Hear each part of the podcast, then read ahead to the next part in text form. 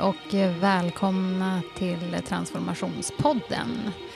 Eh, vi som är med er idag är jag, Petra Liuski, och så har jag med mig mig, Kalle Jägers. Och Leif Renström. Välkomna till er båda. Vi sitter i ett soligt Skellefteå idag och ska prata lite grann om hur man omvandlar en nationalstrategi till lokalt görande. För det är ju så att när vi spelar in det här så pågår ett arbete runt om i landet eh, att implementera den nationella digitala strategin som finns ute i regionerna. Och det föranleder att vi vill, vi vill prata om det här, för det finns, det finns många frågor kring ämnet. Ska vi börja lite grann med i det stora och prata om strategier?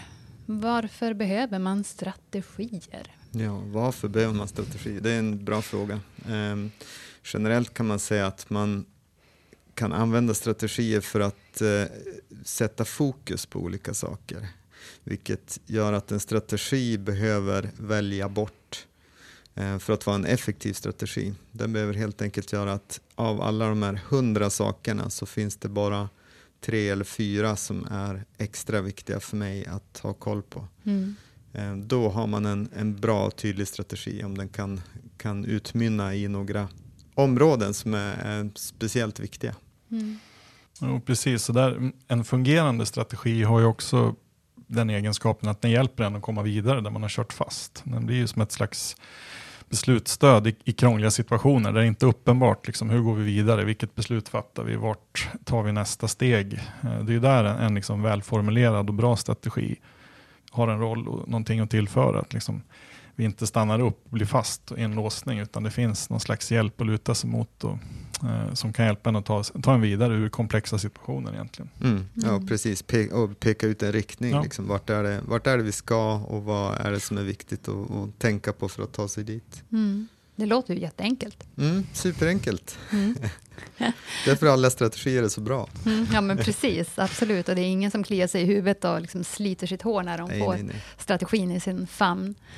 Eh, men vad finns det för utmaningar nu då kring strategier? Ja, men det, det svåraste med, med strategiarbete, det, det, det, vi kan se när vi är inne i, i olika organisationer och hjälper till, eh, ofta två saker. Dels att man inte har målat upp en tydlig bild vad det innebär att lyckas med strategin. Mm. Det brukar vara den, den första och den absolut vanligaste. Att jaha, eh, vi ska göra det här, men hur ser det faktiskt ut? För att om man inte har det så är det ganska svårt att, att få den här riktningen, vart man ska någonstans. Mm. Och den, den andra som man ofta går bet på det är att, man, att allt är viktigt. Alltså att man mm. inte klarar av i strategiarbetet att välja bort någonting, utan allt är lika viktigt. Vi måste ha med det här, vi måste ha med det här och vi måste ha med det här och vi, det här måste vi bara ha med. Mm. Och till slut så, så är det liksom, ja men då har man hela världen i en strategi. Det här, vi ska göra allting för alla hela tiden och det ska bli fantastiskt bra. Mm. Vi ska bli bäst i världen på att göra allting för alla. Precis. Det är ju faran med en strategi, mm. att den hamnar där. För då är ju på något sätt alla nöjda, mm. förutom någon som ska utföra strategin. Mm. Ja, och även att den ska vara så inkluderande, så alla som gör någonting just nu ska känna igen sig och känna att det jag gör, det vi gör, det är viktigt och bidrar. Vilket innebär mm. också att risken finns att strategin egentligen som ska vara framåtsyftande egentligen bara beskriver nuläget som vi har nu. Det här är mm. saker vi jobbar på. Eh, och vår strategi blir egentligen bara en ögonblicksbeskrivning av vad var det vi jobbade på mm. vid, den mm. till, vid den tidpunkten där vi tog fram strategin. Mm. Det märker vi också ganska tydligt att det blir liksom av någon slags eh, politisk vänlighet så måste alla få plats. Eh, vi väljer inte bort någonting och följden blir att vi i princip bara beskriver det vi redan gör och ingen får någon hjälp egentligen att komma framåt sen i nästa punkt. Mm. Det som nyss eh, benämndes som, ja men det låter ju enkelt, hörde jag mig själv säga. Det låter väldigt luddigt just nu. Mm. Mm. Ja, nej, men så är det. Och det är väl därför vi, vi behöver ett helt poddavsnitt minst för att behandla det. vi får se om det räcker. Det är ju mycket som, och det, det blir också intressant ur liksom strategibegreppet är ju otroligt brett. En strategi kan ju se ut på väldigt många olika sätt beroende på var den ska tillämpas. Oh ja. Och det är en ruskig skillnad på att ta fram liksom en, en nationell strategi för digitalisering som is, den måste ju sin tur bygga på att den är förankrad i EU. Liksom. Mm. Det, det, kommer mm. någonting uppifrån. Vi kan inte börja på ett blankt papper. Mm. Utan vi har ju någon slags eh, system runt omkring oss och värld runt omkring oss att ta hänsyn till där. Eh, vilket gör ju liksom att den processen runt en nationell stor strategi för ett stort komplext område kommer ju såklart att vara annorlunda jämfört med om vi liksom, ja, nu ska vi ta fram en liten strategi för hur just vårat lilla femmanna vårdbolag ska hantera eh, de kommande fem åren eh, som sitter och jobbar i just den här lilla avgränsade kommunen. Mm. Så det, strategi kan innebära fruktansvärt många olika saker beroende på kontexten och vad som är målet med den. Mm. Och då är man ju tillbaka till det som Leif nämnde, har man inget tydligt mål eller idé om vart man vill landa, då blir strategiarbete väldigt komplext och klurigt. Mm. Å andra sidan finns det en tydlighet i det där, då, då ser vi också att det kan gå eh, förvånansvärt fort i vissa fall att komma fram till en bra strategi. Mm. Allt har ju med tydlighet att göra och givet den kontext där den här strategin vi jobbar på ska tillämpas. Mm. Jag tänker också att just begreppet strategi känns ju lite överanvänt generellt sett. Jag tror att det finns många tolkningar där också, så det är nog bra att vi reder lite grann i begreppet och skapar samsyn kring det. Ja, precis, det gör det. Det finns ju otroligt många tolkningar på, på strategi. Det finns många ramverk för, för hur man jobbar med strategi också. Mm. Sen finns det en, kanske en, en slags utveckling inom strategi också där man eh, idag finns det kanske eventuellt lite mer moderna sätt att jobba med strategi än, än uh, förut. Ja, det säger sig självt att när det är nu så är det mer modernt, men utvecklade uh, metoder kan man säga. Mm. Där det handlar lite mer om att, att göra strategi än att skriva strategi. Men uh, vi kommer in på, på lite sådana diskussioner mm. senare, tänker ja, jag mig. Absolut. Men vi pratar ju om att det, här, det behövs tydlighet. Man måste tänka på kontexten. Det är ju det vi, vi pratar om här i alla fall, bland annat. Mm. Ska vi blicka lite grann på den här nationella eh, digitala strategin, bara för att ge ett exempel på en strategi som finns. Eh, tänker att vi skulle kunna göra, för eh, den finns ju att hitta på regeringens webb. Eh, och eh, Visionen med den det är ett hållbart digitaliserat Sverige. Och det övergripande målet är att Sverige ska vara bäst i världen på att använda digitaliseringens möjligheter. Mm. Vad säger ni? Ja, men redan här kan man ju se att, att den nationella strategin har en brist eh, i, i den här bilden av vad det är man ska uppnå. Eh, jag vet inte om någon av oss får en jättetydlig bild när man ser att visionen är ett hållbart digitaliserat Sverige. Ja, men hur ser mm. det ut då? Alltså, vad, hur kan vi visualisera vad ett hållbart digitaliserat Sverige är? Mm.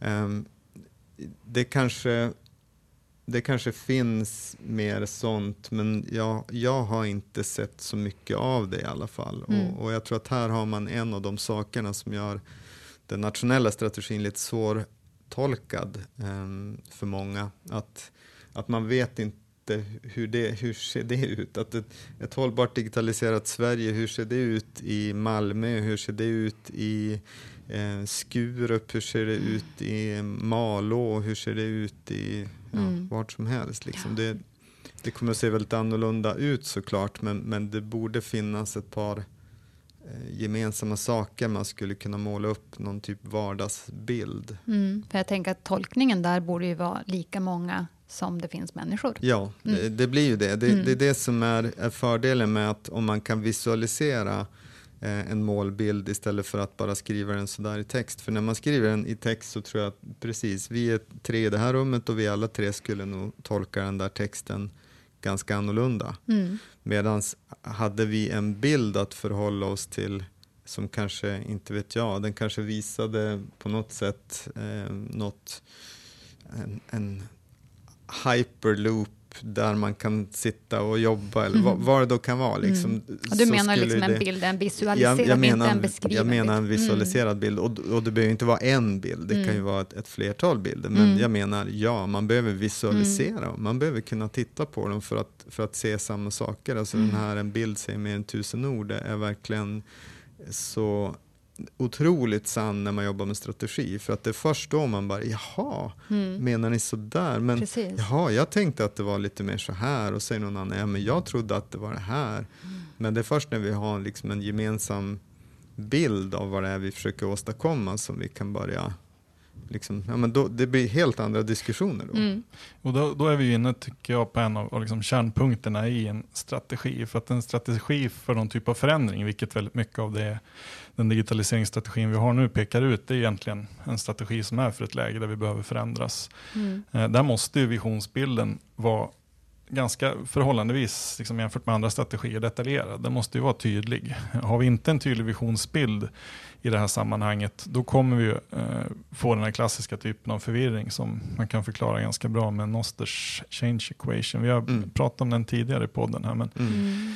vi vet ju av erfarenhet att liksom, om människor går in i en förändringsprocess utan att ha eh, en tydlig bild av visionen, målet för det här, vad är det vi ska uppnå med den här förändringsprocessen, eh, och då uppstår en typ av förvirring. Mm. Det spelar ingen roll hur pass motiverad man är, hur bra förmågor man har att hantera den här förändringen, hur bra resurser man har tillsatt, eh, hur pass tydlig handlingsplan man har. Man kommer ändå vara lite förvirrad i det här att ja, men vad är målet? Mm. Hur vet vi när vi är klara? Ja, vad är det vi försöker skapa och uppnå? Exakt, det blir lite så här, som vi på tekniskt språk skulle säga definition of done. Alltså ja. mm. när, är vi, när är vi i mål? Alltså mm. hur, hur ser det ut om vi har lyckats?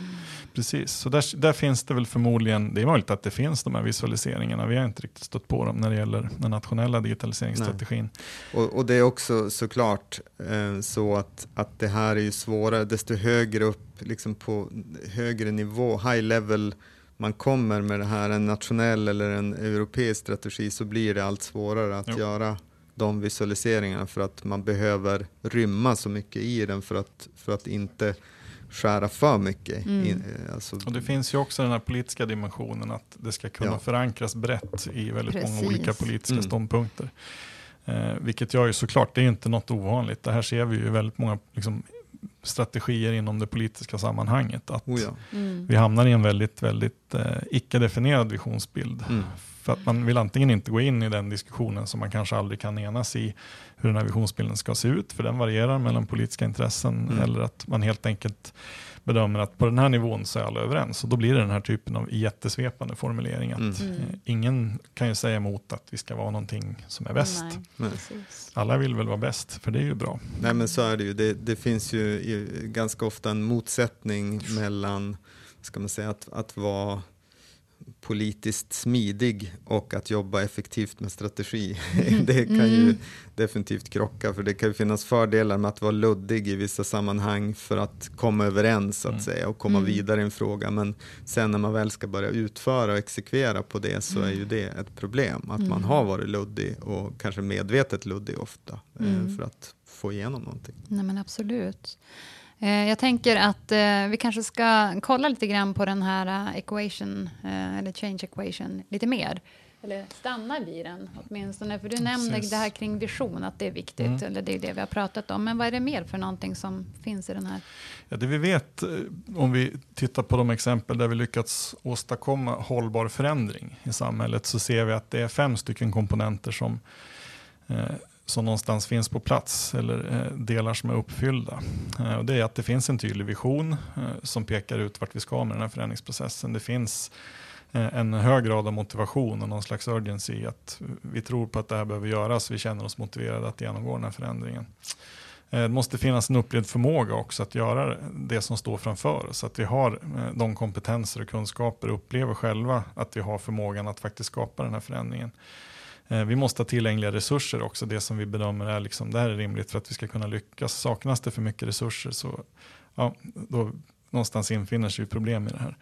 Eh, och slutligen måste det finnas också en ganska tydlig och definierad handlingsplan. Liksom vad, visionen behöver kanske inte nödvändigtvis säga exakt vad jag är imorgon eller om fem år. Den ska ju visa på liksom det stora målet, det vi strävar efter att uppnå med vår förändring. Det som vi önskar oss att vi hellre hade idag än det vi har nu. Handlingsplanen å andra sidan, den ska ju vara väldigt konkret och visa på liksom, vad är det för mått och steg vi ska göra, vad är det vi ska välja bort att göra för att vi ska kunna jobba mot visionen. Eh, och har vi alla de här fem komponenterna, då har vi en hållbar förändringsprocess. Eh, mm. Plockar man bort visionen uppstår en typ av förvirring. Vi vet inte riktigt vart vi ska med alla våra resurser. Mm. Plockar man bort motivationen ur den här ekvationen, ja, då får vi ett motstånd i organisationen eller i det sammanhang där förändringen ska ske. Eh, tar vi bort förmågorna kommer folk bli eh, frustrerade och nervösa. Vi kommer uppfatta att liksom, det finns en frustration här i att vi inte riktigt, vi vet vad vi behöver göra, vi vill göra det här, vi har alla resurser men vi klarar inte av det riktigt själva. Eh, är det så att vi plockar bort resurserna ur ekvationen, då blir folk på riktigt frustrerade. För då, menar, då vet vi, vi har förmågan att göra de sakerna vi vet behöver göras, men vi kan liksom inte riktigt finansiera upp dem eller hitta tiden eller vad det nu är för förmåga eller för resurser som saknas. Är det så att vi inte har en handlingsplan, då hamnar vi ofta i ett läge där vi är välmotiverade och välfinansierade och vi skapar ingen action helt enkelt. Det händer ingenting. Vi vet inte riktigt vad av alla de saker vi skulle kunna göra för att uppfylla den här visionen vi ska börja med helt enkelt. Mm.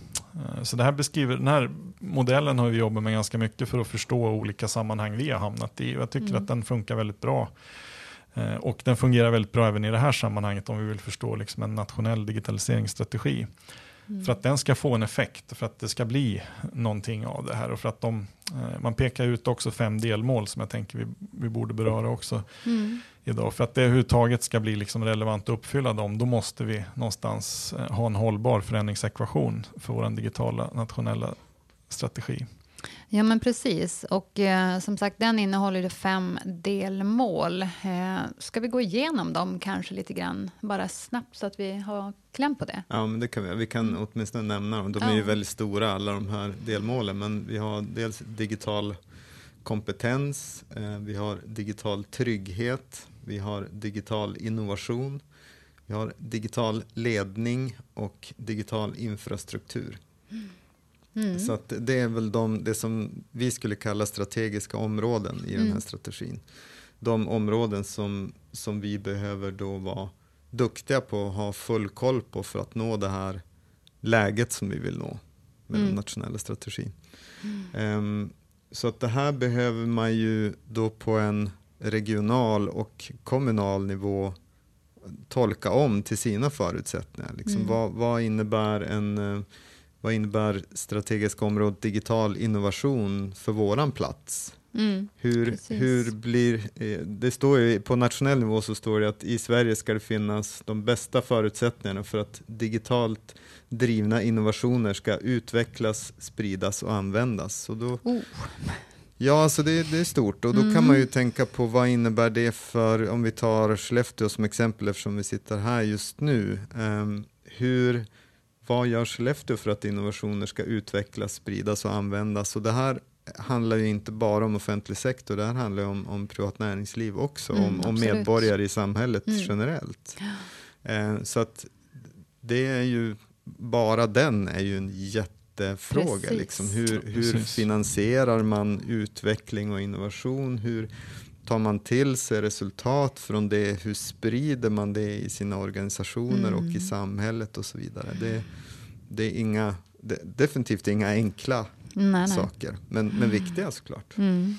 Och det blir ju extra intressant om vi lyfter upp det också. Vi befinner oss i Västerbotten. Regionen här är ju alltifrån kust med hyfsat eh, ett par lite större orter, städer Sen har vi en ganska stor del av regionen som inte är tätt bebyggt, mm, urbant precis. och intressant för exempelvis venture capital-scenen. Så att, mm. Eh, hur ska man förhålla sig som Region Västerbotten till digital innovation? Ska man ta fasta på universitetsstaden Umeå mm. som har ett stort inflöde av internationella forskare, studenter, människor. Man har liksom ganska goda förutsättningar för en slags mikrourban miljö. Eh, eller ska vi ta fasta på Norsjö eller Lycksele, inlandet, som ju har helt andra förutsättningar Eh, någonstans så måste regionens uppdrag ta hänsyn till hela den här paletten när vi pratar digital innovation. Och det gör ju också att det blir extra utmanande för många av våra regioner i Sverige eftersom väldigt få regioner ser ut som, eh, som en urban, tät, eh, kapitalstark miljö. Mm, eh, absolut. Vilket gör det också superintressant med idéerna som uppstår hos de människor som finns. Det finns ju ingenting som talar för att innovationsidéer inom det digitala har en sämre förutsättning att uppstå i folks huvud bara för att man bor i en inlandskommun till exempel. Nej. Å andra sidan så kanske möjligheten att sprida och utveckla en idé inte riktigt finns på samma sätt där som det finns eh, i en mer urban kuststad. Mm. Mm. Och där finns det ett jätteintressant eh, perspektiv för en region som man måste förhålla sig till. Liksom mm. hur, hur kan vi få Lycksele att använda digital innovation eh, i den utsträckning som skulle behövas för Lyckseleborna samtidigt som hur kan vi någonstans eh, stödja och stötta de idéer som uppstår utanför de liksom kapitaltäta klustren. Mm. Mm. Eh, en, en liten tanke som väcker, väcks i mig nu det är ju att eh, vi pratar ju fokusområden eh, i strategier. Eh, hur ska man formulera dem så att de är bra?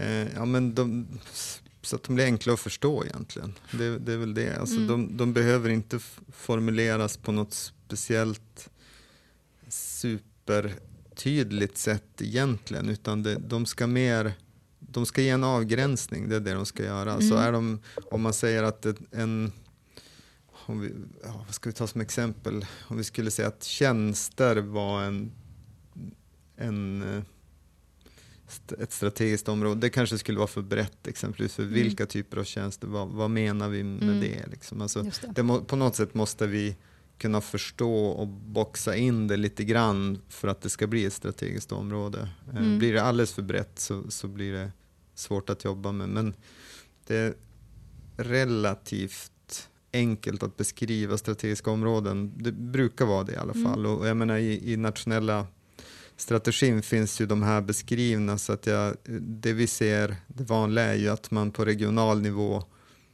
plockar ut ett par av dem eller plockar ut dem i sin helhet och, mm. och applicerar dem även på regionen. Då. Mm. Så jag tror att man, man behöver nog inte kanske fundera så mycket på att, att skapa sina egna strategiska områden i regioner och kommuner, utan mm. jag tror att det, det, finns en fördel med att man, man lutar sig mot den nationella strategin eftersom den lutar sig på en europeisk strategi. Och, och varför det är viktigt är ju på grund av pengaflödet egentligen. Mm, alltså, ja, de europeiska pengarna kommer att flöda enligt strategin och de strategiska områdena till de nationella spelarna som sen kan liksom flöda vidare till de regionala och kommunala aktörerna. Mm. Så att, har, skapar man en egen regional strategi eller kommunal strategi som inte hänger ihop med de här så kommer man ju ha svårt att hitta finansieringen till det. Mm, alltså de ja, här resurserna absolut. som Kalle pratade om. Mm.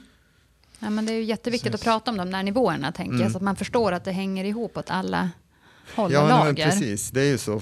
Flernivåstyre är ju, är ju utmanande alltid eh, och det, det, är inte så lätt att sitta. Vi, vi jobbar ju med, med både myndigheter, kommuner och, och, regioner. Men jag skulle nog nästan vilja påstå att, att regionernas position i det här arbetet är, är väldigt utsatt för att man har det finns en stark förväntan från eh, den nationella nivån att regionerna tar, tar lead på det här arbetet och skapar de här mm. digitala mm. strategierna regionalt. Och det, och det gör man ju. De politiska dokumenten finns ju mm. eh, i alla regioner.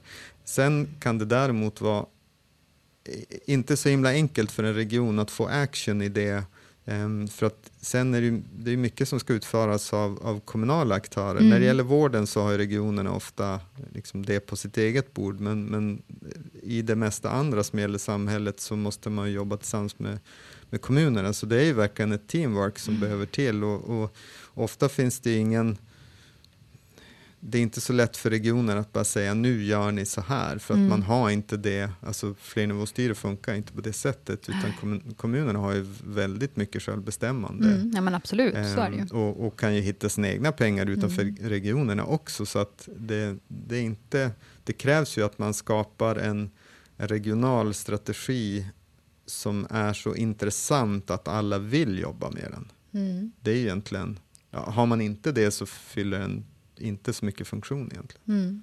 Nej, det är svårt precis. att tvinga in eh, andra i sin strategi. Mm. Ja, precis, och där måste ju den nationella strategin ligga till grund för att man jobbar igenom, tänker jag, liksom handlingsplan för de delmål som man behöver förhålla sig mm. till. Jag tror att det är väldigt olika region till region i Sverige, liksom hur vi påverkas i de olika delmålen. För Mm. vissa så är det lätt att fastna i frågan runt digital infrastruktur. Liksom att ah, men vi kan inte göra någonting handlingsmässigt innan alla har fiber ingrävt i varenda fastighet. Liksom. Så Mm. använder man det som skäl för att liksom avfärda resten och inte behöva be, liksom befatta sig med den. Vilket Mm. är delvis dels fel utifrån hur de här delmålen hör ihop med varandra. Det finns ingenting som säger att vissa mål måste vara uppfyllda innan andra kan påbörjas. Nej. Liksom det är Nej, de inget i de här som är liksom Mm. uteslutande eller bygger på den logiken. Mm. Men det innebär ju också att menar, frågan om digital infrastruktur kommer att se helt olika ut beroende på vilken liksom, regional infrastruktur vi har. Är vi Absolut. en region med långa avstånd eh, så kanske det är så att ja, men vi kan inte hänga upp allting på att vi ska ha en teknisk lösning för tillgång. Mm. Det ska vara optisk fiber nedgrävd i marken till fastigheter. Ja, det kanske funkar i en annan region som övergripande strategi. Mm. Mm. Eh, Medan man kanske eh, i andra fall behöver titta mer på ja, men, men vad händer, hur långt bort ligger det att vi har trådlös tillgång till fullt bredband. Liksom, när det är satellitsystem som vissa aktörer vill skicka upp och så vidare finns på plats. Och vad finns det för alternativ för oss? Vilken Mm. blandning infrastruktur är det vi behöver som blir realistisk utifrån våra förhållanden? Precis, och Mm. vilken digital trygghet får vi då? Om- Exakt. Ja, men precis. Det- och vad krävs våran det för kompetens? Alltså där är, det är jätteintressanta frågor, Mm. för det är också om man tittar på de här europeiska eh, resonemangen som har kommit senaste tiden, eh, eller domarna egentligen, besluten kring att hur vi behandlar våran data, att den aldrig Mm. får hamna i händer som gör att den kan transporteras till ett stort land i väster exempelvis, eller ett stort land i öster, vilket som, eh, så blir det intressant om vi tänker att vi har ett världsomspännande eh, satellitnätverk med Mm. uppkoppling. Jaha, vem äger det? Precis. Och vad händer om vi kopplar upp oss på det? Mm. Vart, vilken väg går vår data då? Så Mm. att säga. Alltså, det, alla de här hör ju ihop väldigt mycket så att då är vi inne liksom i den här digital trygghet och, och för att kunna fundera på det så behöver man den här digital kompetensfrågan och så Mm. Precis. vidare. Så de hänger Och verkligen ihop. ledningen och Ja. allting, absolut.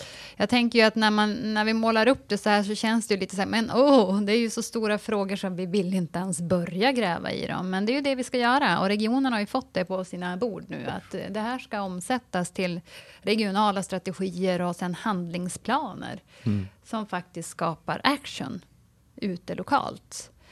Eh, och jag tänker att vi pratar lite mer där, för där är jag jättenyfiken och jag tror att många andra är väldigt nyfikna eh, som lyssnar. Mm, vad ska man tänka på? Va, vad är en handlingsplan? Som sagt, vi var nere på action points. Kalle, vad är en, vad är en handlingsplan?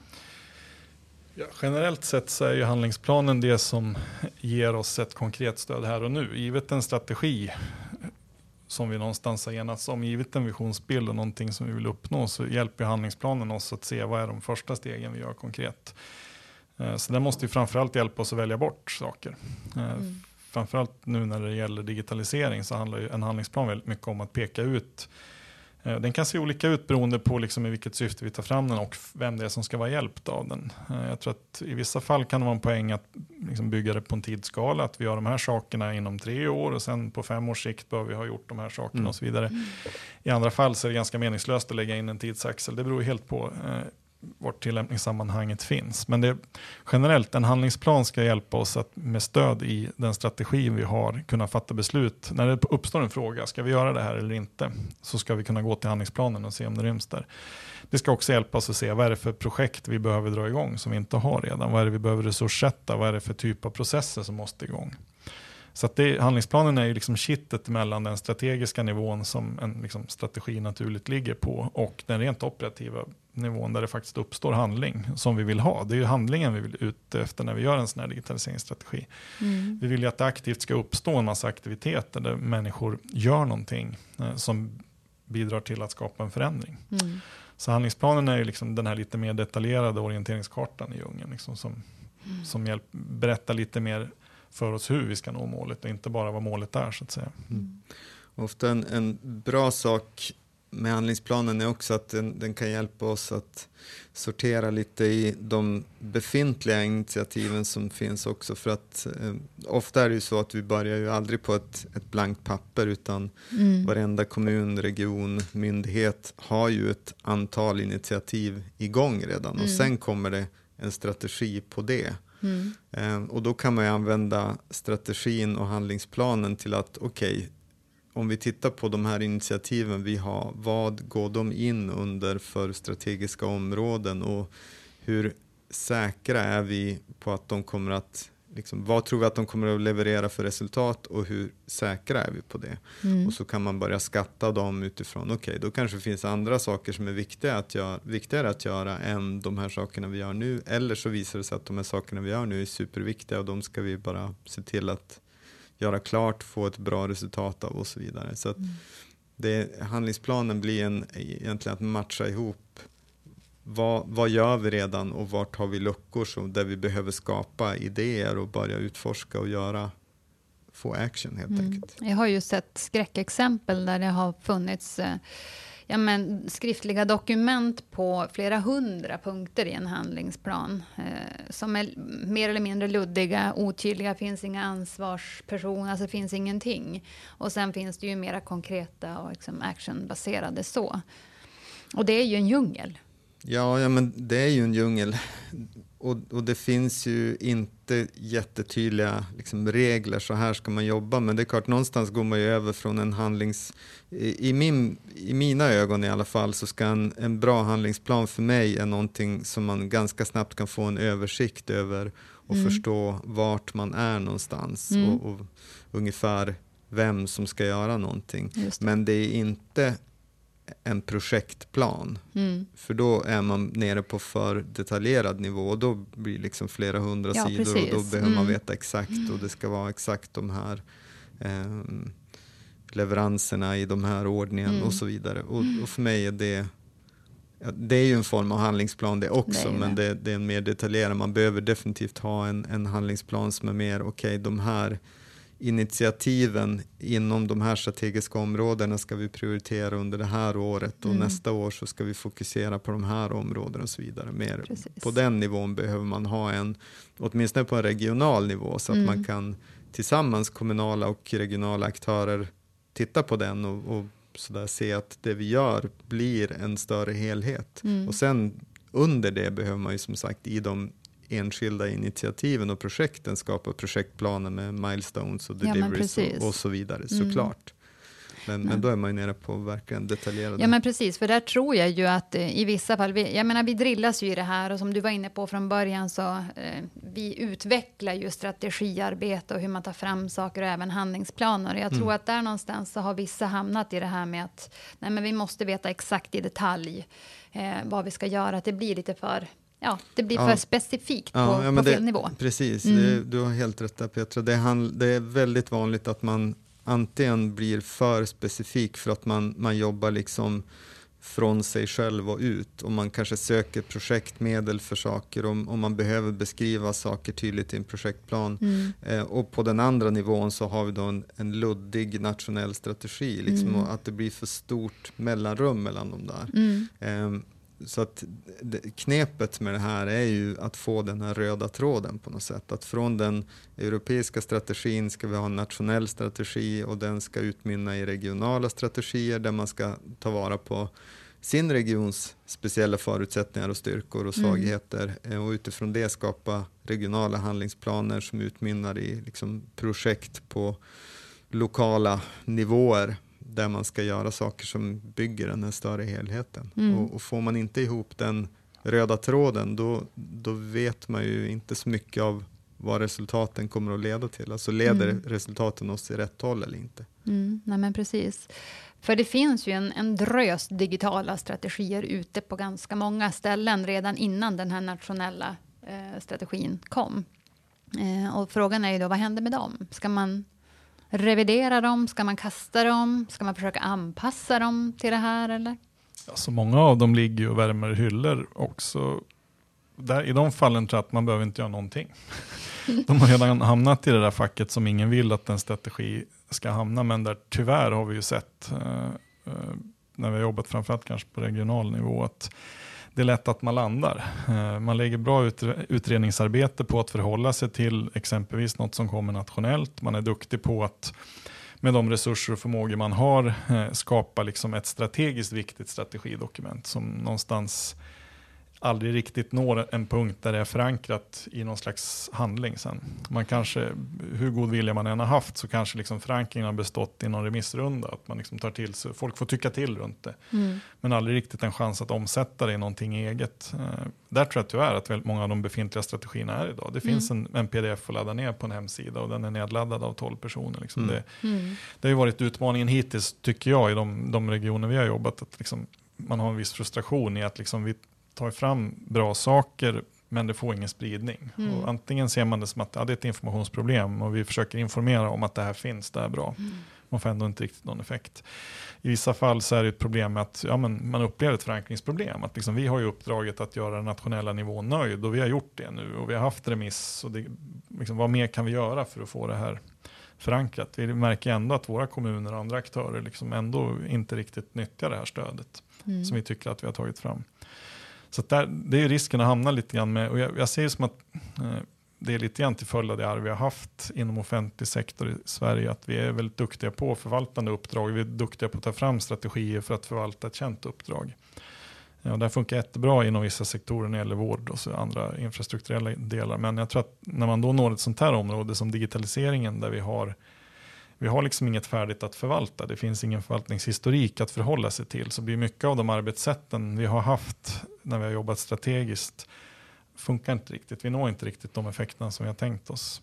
Eh, där tror jag att mycket av nyckeln ligger i liksom att, att många strategier idag är ganska osedda och oanvända mm. inom det här området i alla fall. Mm. Ja, och sen saknas det ju då aspekter också om man tittar på den här the change equation, alltså hela den biten. Då saknas det ju handlingsplan mm. och motivation och Precis. flera pusselbitar är borta där. Mm. Exakt, så jag tror det, det man har en chans att göra här med vår nya liksom, digitaliseringsstrategi, när vi ska översätta det här regionalt så har vi en jättechans att också prova lite andra arbetssätt för att göra det. Mm. Att kanske gå ifrån det här klassiskt trygga analytiska förhållningssättet som det gärna blir. Vi har en strateg som är duktig på att på regional nivå utföra strategisk analys. Mm. Man är oftast välutbildad och väldigt kompetent och har väldigt bra arbetsmetoder för att göra just strategisk analys utifrån politiska villkor och de makrofaktorer som man har att jobba med. Eh, och det vi har sett är väl att många har kanske inte riktigt den möjligheten till resurs att testa andra arbetssätt än just det här. Man har en lång och mångårig tradition i att jobba i det liksom analytiska strategiska arbetet. Eh, och det som saknas är kanske lite mer, som säga, det mer händelsebaserade. Liksom, eh, de metoder som man kan titta på och använda sig av som hjälper en att skapa handling snarare än strategisk analys. Mm, men precis. Och att han, handlingen blir det som informerar strategin egentligen. Ja. Alltså att man, man, man låter strategin utvecklas un, under tiden eh, man gör. Mm. Man, man sätter de här strategiska områdena, man sätter den här bilden av vart man ska, sen prioriterar man utifrån vad man vet idag och så börjar man göra och så låter man det sen styra vidare prioriteringar. Att desto mer vi lär oss om det här så ser vi att det här kanske var en återvändsgränd eller här dök det upp någonting väldigt spännande som vi vill prioritera ännu högre och så vidare. Mm. Så att man, man inte låser sig för hårt i strategin att, att man lägger en, en fem års roadmap som inte kan ändras.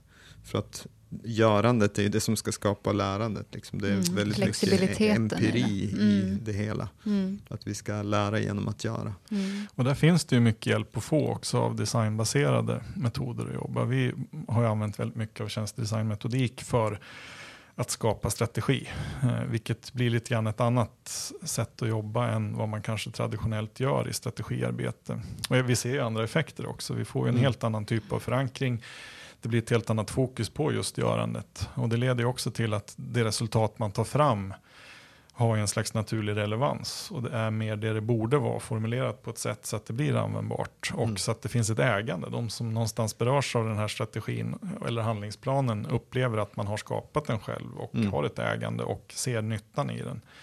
Det tror jag är en, en ganska kanske inte enkel, men en, en ganska tillgänglig lösning egentligen. Ja, att jobba ja, med designmetodik. Metoderna finns där och, och det går ju tillbaka ända till svenska 70-talet och participatory design. Mm. Så att vi har ju varit duktiga på mm. det generellt i Sverige, att jobba med det, men vi kanske har i, i vissa sammanhang glömt bort det lite grann. Precis. Eller jag Mm. tror att det är mer vanligt eh, på vissa nivåer än på andra nivåer. Eh, för det är ju precis som du är inne på där Kalle, att, att får vi om, vi, om vi får alla aktörer inom en viss fråga i en region att samskapa eh, den här handlingsplanen och de här lösningarna så att man känner ägandet i det. Det, det är där någonstans man har nyckeln till att, att få det att hända. Mm. Eh, det, det kommer aldrig att hända på grund av att en strateg säger att nu är det det här vi ska göra, nu får ni bara utföra det här. Så kommer alla andra att titta och bara säga nej, vi har redan, jag har mina grejer jag gör redan. Så att det, samskapandet är ju helt klart nyckeln i det. Ja, det är också mycket lättare att bygga en strategisk nivå utifrån en sån handlingsplan. Att gå den vägen. Att okej, nu har vi en bild av vilket regionalt samskapande vi kommer att behöva i Mm. den här frågan de kommande åren. Vad, vad blir liksom det strategiska fokusområdet av det här? Det är Mm. mycket lättare att definiera det då än att försöka gissa sig till det när jag sitter själv vid mitt skrivbord som strateg. Liksom det, jag, tror att där, jag tror att man löser väldigt många problem som jag vet att många eh, regionala strateger har upplevt med det här arbetssättet. Och jag tror att det, det kommer vara nästa naturliga del i verktygslådan för någon som jobbar med regional strategi. Att kunna implementera, använda eh, olika typer av designmetodik när man skapar strategierna snarare än att man går på klassisk analys helt enkelt. Mm. Om man går tillbaka till, eh, till det här med att, att släppa handlingsplanen lite fri. Eh, jag tänker att, eh, alltså att, den kommer, att vi lär oss med tiden och att vi ska liksom upptäcka där. Jag tror eh, och har hört en del rädsla kring det där. Vi är ju inte riktigt vana att jobba så. Och att använda de här metoderna som vi också har sett är väldigt effektiva och väldigt bra. Det är ju också någonting som känns nytt i vissa sammanhang. Ja, men det är klart det är, för det blir ju, när man jobbar på det sättet så blir ju strategin mer av en beskrivning av arbetssätten än att det beskriver exakt vilka resultat Mm. vi ska uppnå med allting. Mm. Eh, utan, och, och det här kommer ju egentligen ifrån precis det som Kalle var inne på tidigare, att om vi gör saker som inte är det vi redan gör, alltså inte förvalt, fortsatt smartare förvaltning av det vi redan gör, utan mycket av det är saker som vi tidigare inte har råkat ut för och kanske gjort heller. Mm. Då, då, det blir ju mer av ett utforskande arbete Mm. än, än en förvaltning och det, är- det är där alltid som, som problematiken uppstår. Jag menar, alla ni som har lyssnat på podden förut har ju hört talas om treboxmodellen som vi Mm. pratar mycket om och det är ju det är att vi hamnar liksom snabbt i, när vi pratar digitalisering hamnar vi väldigt ofta i låda tre Mm. diskussioner istället för låda ett. Vi har liksom ingen, vi har ingen nationell digital identitet att förvalta utan det är fortfarande så här, vad, vad ska den vara? Är det bank-id eller är det Mm. något annat eller hur kan jag Ja, jag tror vi har alla liksom en ganska tydlig bild av vad vi på något sätt skulle vilja ha fast vi har det ju inte Nej. än Nej. på det sättet. Så att det, det är ju den stora skillnaden att vi är så tidigt i det här Mm. att, att vi behöver skapa, det är därför också de här visualiseringarna och bilderna blir viktigare för att vi ska utveckla saker. Mm. Och då behöver vi de här bilderna av vad det är vi ska, liksom, vart ska vi nå, hur ser det ut om vi lyckas? Eh, och dessutom då kanske beskriva arbetssätten mer än att i detalj beskriva exakt Mm. vad det är vi ska göra och vilka resultat vi förväntas uppnå. Mm. Ja, Sen det finns det ju en vana och trygghet också att jobba som man är van att jobba. Liksom. Nu Mm. har vi jobbat med strategiarbete inom offentlig sektor på ett par olika sätt under väldigt lång tid. Mm. Det har funkat bra. Nu ska vi helt plötsligt liksom måste förhålla oss till andra arbetssätt. Vilket ju såklart är utmanande på något sätt. Vi är lite oroliga, vad leder det till? Om jag sätter mig och gör en digital strategi utifrån hur jag har gjort det här i åtta års tid. Liksom, om vi tittar historiskt inom andra områden, då vet jag ungefär hur produkten ser ut av processen. Jag kommer att få den här rapporten. Jag kommer att ha noggrant motiverat och förklarat de här ställningstagandena som sker och det här kommer att vara förfackat på ett sätt som gör att jag kan sprida det på det sätt vi brukar sprida det. Liksom nu går vi in och jobbar med en metodik som jag inte använt förut. Jag vet inte vad resultatet blir. Vi kanske inte ens kan peka ut på förhand vad resultatet blir. Det, det uppstår ju många lägen där man kan känna en otrygghet eh, för att man inte känner igen sig. Mm. Eh, Det jag tror man ska tänka då är liksom att att använda designmetodik för att designa en strategi eh, är ju inte högre risk än att använda någon annan metodik. Vi har ju Mm. lyckats skapa fantastiskt många bra artefakter, produkter, processer och tjänster med hjälp av designmetodik som just nu idag, med de som, saker vi är absolut mest nöjda med i mänskligheten just nu är designprodukter av, i olika skepnad. Mm. Vilket jag tänker någonstans bevisar metoden. Metoden i sig behöver vi inte vara misstänksamma mot. Vi vet att ett eh, designbaserat förhållningssätt oftast kan bidra med någonting i varje situation kanske inte alltid löser alla problem. Det är ju liksom ingen mirakel-tinktur. Men det är mm. åtminstone det är ett arbetssätt vi inte behöver tvivla på. Det, vi vet att vi får högkvalitativa resultat med det här sättet att jobba. Det, det passar bra i den övergripande processen att ja. jobba på det sättet. Sen för att lösa varje problem som uppstår i detaljerna så behöver man ju en mycket, mycket större verktygslåda Exakt. såklart. Mm. Det, då, då är det, inte, det går inte att säga att design thinking eller tjänstedesign eller någonting annat är lösningen på alla frågor utan Nej, det är ofta precis. väldigt komplexa problem runt infrastruktur och så vidare som ju, som ju kräver annan specialistkunskap och andra verktygslådor och så vidare.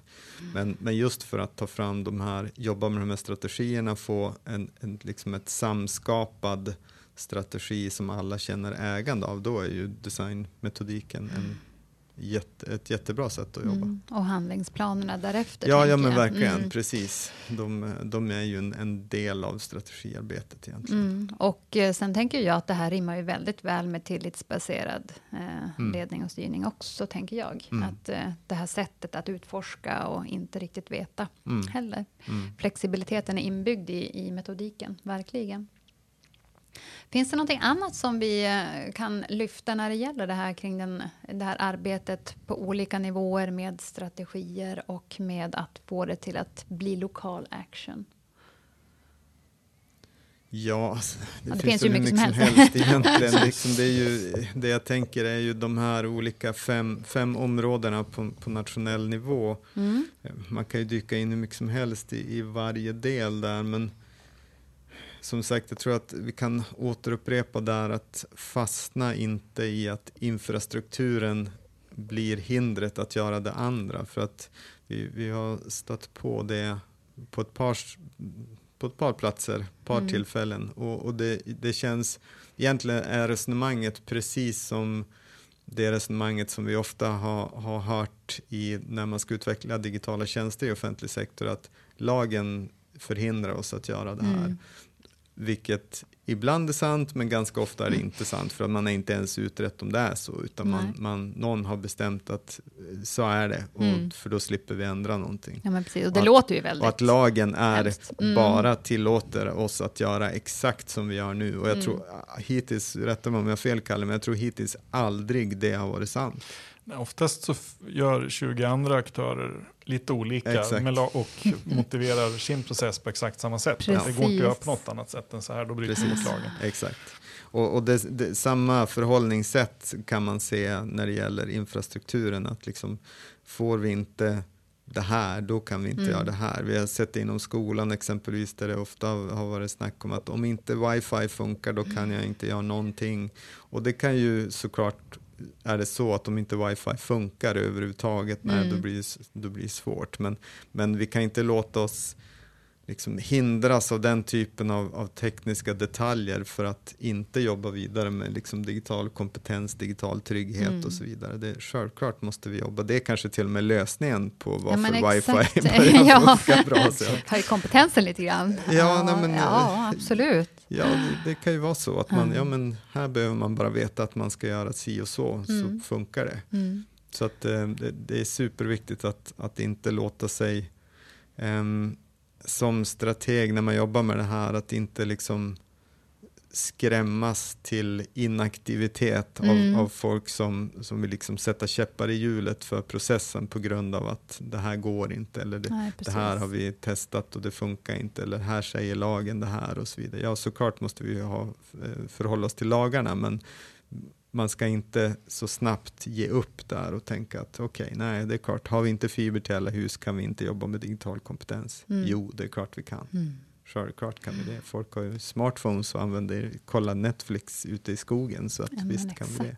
Ja, men så är det ja, och tittar man på de här fem delmålen också så är det ju lätt att låsa sig i en annan konstig låsning som uppstår, att ingen vet exakt hur det kommer att bli ja, men ska vi formulera liksom, hur vi ska hantera digital kompetens så måste vi ha exakt svar på alla frågor. Och det alla ja, aktörer inblandade eventuellt kan ställa frågan på hur har ni tänkt runt det här, att det liksom blir en blockering också. Mm.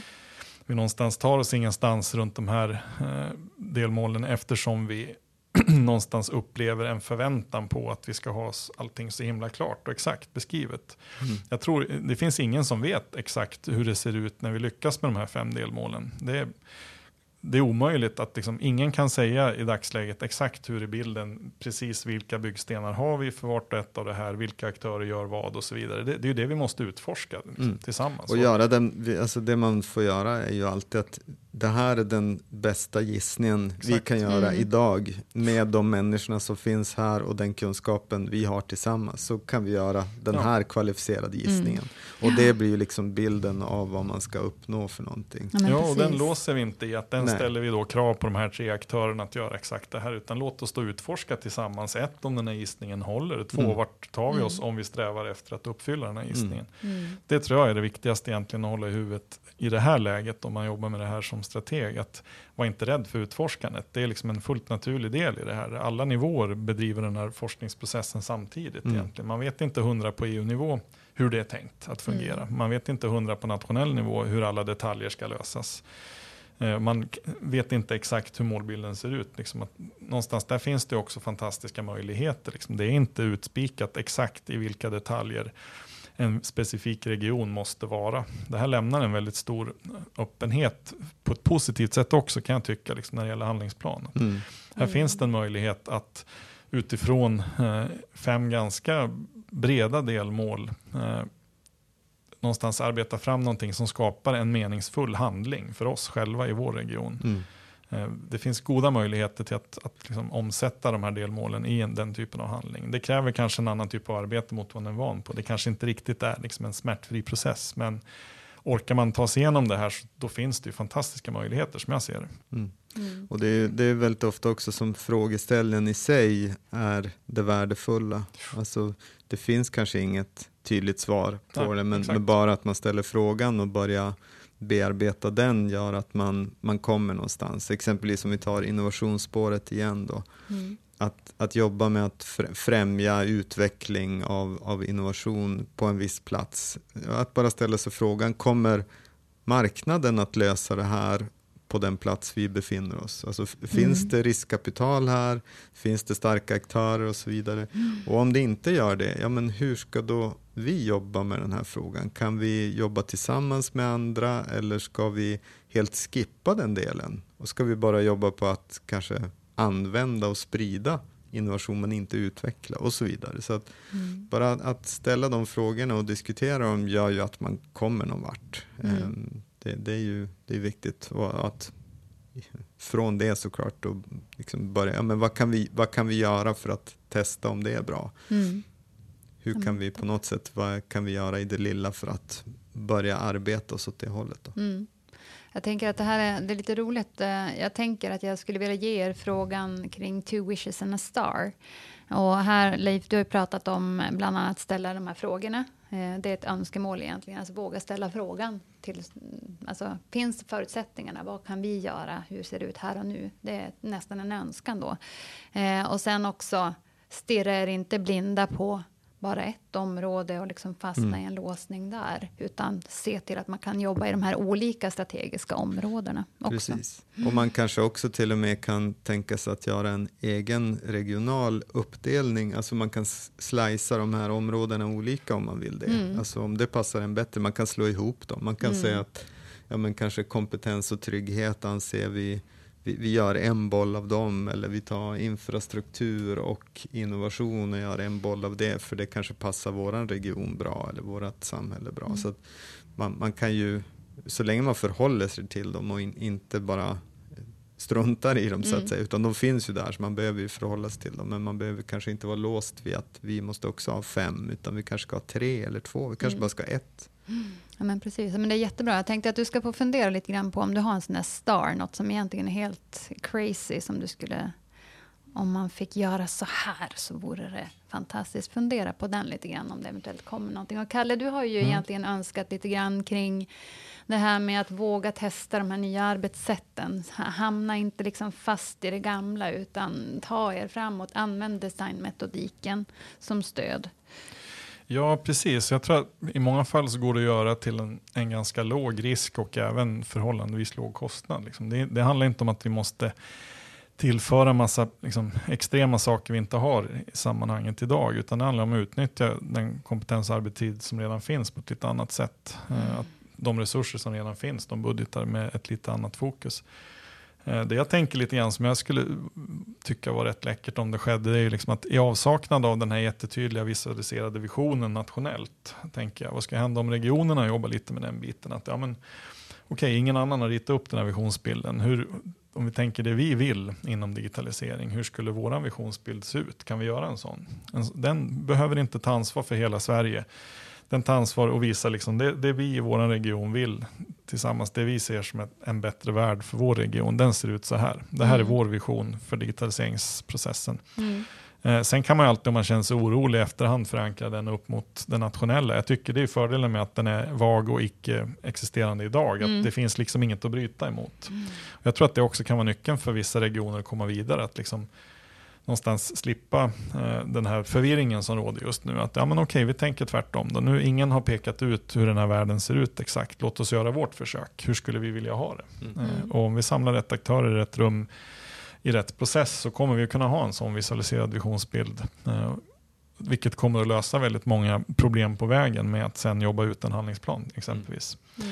Mm. Eh, det, det, tycker jag skulle vara rätt intressant att se. Vad händer om man tar den bollen själv, tar det ansvaret? För jag tror att det kommer bli lite grann som Leif är inne på. Då kommer man förmodligen omvärdera de här fem delmålen också. Slicea dem lite grann annorlunda kanske än vad de är idag. Man kanske också kommer att hitta ett sjätte delmål som är jätterelevant utifrån den nationella strategin som helhet och som blir ännu mer relevant för oss mm. i den här regionen. så att säga. Så jag tror inte heller man ska stilla sig blind på de här fem delmålen som finns nu. De är utpekade nu tidigt mm. för att hjälpa mm. människor att, okej, okay, vad är det vi menar egentligen med den här strategin? Eh, jag tror också att de kommer att behöva utvecklas och förädlas över tiden om den här strategin ska liksom finnas kvar och vara levande även efter vi har gjort det här första arbetet. Mm. Eh, så där skulle jag tycka var superintressant. Liksom våga sätta upp lite regionala visioner. Mm. Se hur de ser ut. Har vi någon skillnad? Liksom, mm. Eller blir det samma? Vad spännande. Ja. Leif, har du någonting där som du vill tillägga ja, men, Star? Ja, det är också intressant om man kunde tänka att, att um, de lokala och regionala strategierna kanske är det som på något sätt blir den nationella strategin också. Alltså att man tänker det på något sätt un underifrån och upp istället. Mm. Men jag, jag, vet också att det är det är svårt. Vi har ju det här med smart specialization som, som man har pratat om under många, många år, att varje region ska göra det de är bäst på, men, men då hamnar man alltid i det här att ingen vill välja bort något. Vi, mm, vi vill, om vi säger att vi är bra på det här, får vi då mm. inte pengar för att göra det här och så mm. vidare. Så att jag vet att det är svårt. Eh, det finns en politisk eh, och demokratisk dimension i det här som, som gör att det, det är inte all, man kan inte alltid vara effektiv och liksom politiskt smart, Nej. utan ibland det, det är en trade-off. Liksom. Mm. Um, men jag, jag, tror definitivt, precis som Kalle inne på det, om min star skulle vara så att vi, att vi tydligt börjar, att vi vågar att visualisera hur, hur framtiden ska se ut. För det är utan tvekan det mest kraftfulla verktyget för att skapa förändring är att visualisera en bild av hur framtid, en bättre framtid kan se ut. För det är, mm. det, alltså det, är det som skapar hela den här motivationen att vilja komma någon vart. Det är att jag ser en, en bättre mm. bild av någonting. Mm. Eh, om jag kan se ett bättre fram, samhälle framför mig, ja, men då är jag beredd att betala mer skatt. Ja, jag är beredd jag att säga, jobba resurserna mer. kommer ju därefter och allting. Så, att, ja. så att den är så himla viktig. Eh, en, en andra sak, om jag tar, nu blir det tusen Alltså det är ingen önskelista. det här är en önskelista, nu tar jag chansen. Det här ja, är min önskelista. Kör, Leif. Nej, men eh, jag kan väl ibland tycka att det blir lite stort fokus på offentlig sektor i de här strategierna mm. och planerna. För att mycket av de här sakerna som handlar om exempelvis digital innovation, trygghet, kompetens, ledning och så vidare är ju sånt som rör definitivt inte bara offentlig sektor. Och, och om vi tänker på medborgarna mm. så är ju digital trygghet exempelvis, ja det kanske ansvaret för att lagarna följs och så vidare kanske finns på en någon slags myndighetsnivå, men, men privat näringsliv och privat sektor är ju definitivt högst involverade i oh ja. att skapa mm. det här. Mm. Och ibland bortser man lite grann från det kan jag tycka, att det finns sådär, ja men att man tänker att man startar från scratch med saker, men det kanske finns bolag i ens region som är experter inom vissa områden, mm. som kan allt om infrastruktur eller som är grymma på digital innovation eller vad det är. Så att man mm. tar med det så att man inte börjar från en onödigt låg nivå. Utan det handlar ju också det... om ett intelligensutbyte här. Ja, vi behöver exakt. också veta vad som pågår. Vi pratade väl mm. om det tror jag i det här eh, kulturavsnittet, mm. alltså en spikes, det man är mm. bra på naturligt. Att, att hitta det de som har stor kompetens i en region inom ett visst område, se till att de är med i arbetet. Och sen förstår jag att det alltid är en utmaning. Liksom hur, hur får man den eh, ekonomin att funka? Mm. För det, det, är klart att man kan, vara, man kan vara med delvis för att man är samhällsengagerad, men om man behöver välja bort saker som ger en mat på bordet så mm. då behöver man hitta en ersättning för det. Så det är klart att det är en ekonomisk fråga också. Ja, men så är det ju helt klart, flera eh, dimensioner. Men, men den tycker jag är viktig för den, den har vi sett i många eh, sammanhang att man glömmer bort den lite grann och mm. då, då blir det lätt att man, man kanske börjar på en nivå som är men samhället är faktiskt, om man tittar på hela sam, civilsamhället så att säga, så har det kommit längre än vad man tror. Mm. För att man, man ser bara vad man har i sin egen organisation. Mm, ja men så är det ju. Mm. Och det kan handla om allt ifrån liksom enkla grejer som att ja, men vi har ju inte wifi som funkar i alla våra lokaler, men det kanske finns liksom, ja men vi kanske har en en partner till Cisco som finns lokalt som utvecklar mm. liksom mm. otroligt avancerade lösningar inom det här som är experter på området. Men mm. låt oss blanda in dem då i liksom infrastrukturarbetet mm. så kanske vi kan slippa starta från scratch. Ja men exakt. Mm. Ja, det är ju ett helt nytt sätt faktiskt att arbeta och tänka. Eh på många sätt? Ja, alltså jag tror, det, det görs ju såklart inom mycket strategiarbete på, på andra håll. Jag, jag, vet, jag har inte sett det så jättemycket inom det digitala strategiarbetet, men inom eh, regionala utvecklingsstrategierna mm. och så är man normalt bättre på det. Det borde ju då inte vara svårt att ta det till den här typen av frågor, tänker jag. Ja, det, det som kan vara svårt är att i, i en i, i många andra strategiarbeten som vi var inne på från början så handlar det om att förvalta och utveckla någonting man redan har. Mm. Medan det i eh, de digitala strategiarbetena eller i digitaliseringsstrategin så handlar det mer om, om att skapa något som inte finns. Mm. Det, det, är det som är kanske den största skillnaden i det här och det är därför man behöver andra arbetssätt och, mm. och metoder och varför saker inte alltid funkar som man har gjort förut. Mm. Ja, men det är superintressant. Jag tror att vi har anledning att komma tillbaka till väldigt mycket av det här vi har nämnt under det här samtalet och kanske också de här olika fokusområdena som finns i den nationella strategin. Mm. Eh, ja, men det, det, tror jag definitivt att vi, vi kan dyka vidare i det här och vi kan också plocka med oss lite folk på regional och kommunal Precis, nivå det var det jag som, tänkte. Ja, som, absolut. Eh, som jobbar med de här frågorna som, som är liksom, har fått testa att göra annorlunda och mm. se vad, vad har det inneburit hos dem. Ja, men precis. Mm. Känner ni att det finns någonting som vi vill skicka med, något mer till lyssnarna? Om man ska göra ett försök att liksom summera sig kort efter alla de här utläggningarna, ja, det är ju min styrka som före detta akademiker. Nej, men jag tänker så här att det här området för strategiarbete, nämligen det digitala, är ju i en slags framväxande fas nu där väldigt mycket är, det händer men det har inte nått sin fulla mognad. Eh, och det är lite grann som vi har varit inne på i flera olika snack idag, att i ett sånt här läge så är det väldigt lite som är givet och vi vet väldigt lite om exakt vad som kommer att ske i vilken ordning. Och det, gör ju, det öppnar ju upp extra mycket tycker jag för det som vi har pratat om. Liksom att när man ska jobba med strategiarbete runt digitalisering, då måste man per definition, tänker jag, jobba utforskande. Det är liksom ett arbetssätt som vi kanske inte alltid behöver när vi gör nationella och regionala strategier. Men just i den här frågan måste vi jobba utforskande. Det går inte att förhålla sig till den på något annat sätt.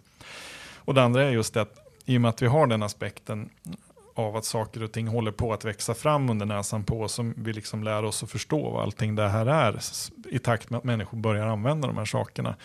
Så måste vi också jobba lite grann med det vi var inne på med att, att kanske inte ha en process som producerar det vi är vana vid heller. Liksom, utan vi kanske behöver ha eh, ett större fokus på görandet. Nu, allting som sker runt omkring oss sker till följd av ett görande. Även strategiarbete i det här fallet måste ske baserat på ett görande snarare än liksom ett analytiskt granskande eller vad man ska säga. Mm. Så det, det, tänker jag är, liksom, om jag skulle försöka sammanfatta vad jag har tänkt under den här timmen, så är det ju liksom, det är de två sakerna som, som är viktigast att ta med sig. Liksom. Mm. det här kommer inte gå att göra på exakt samma sätt vi alltid har gjort. Mm. Den här gången vi, måste vi fokusera också på görandet.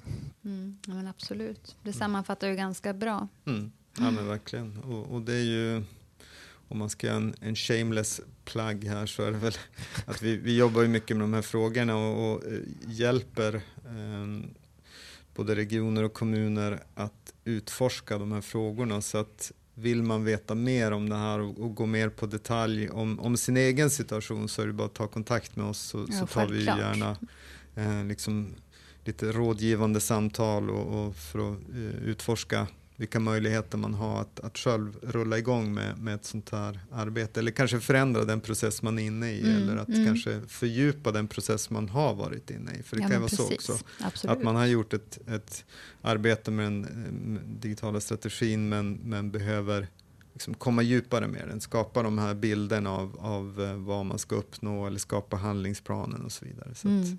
Ja, men precis. kan vi, kan vi gärna hjälpa till såklart. Ja, men absolut. Och har man frågor kring det här eh, avsnittet eller vill ställa några andra frågor till er så kan man också höra av sig eller till mig. Kalle, vart når man dig? Enklast på kalle.hellofuture.se. Och Leif? Ja, Leif hellofuture.se. Och följaktligen kan man ju nå mig då på petra.hellofuture.se. Precis. Och jag tänker att med det så wrappar vi upp lite grann och säger tusen tack för att ni har lyssnat och tack för era bidrag, herrar. Tack för idag. Mm, tack. Camilla på Hello Future här. Hoppas att du gillar podden. Jag och mina kollegor gör den här podden för att vi tror på en framtid där alla människor ska få komma åt fördelarna med en digital värld. Och ett viktigt led i det är att sprida kunskap om digitalisering. Vill du skaffa ännu mer kunskap som hjälper dig att driva på digitalisering i din organisation? Då kan du testa vår onlinekurs Digital transformation i praktiken. Läs mer om innehållet och anmäl dig till nästa utbildningsomgång på hellofuture.se onlinekurs.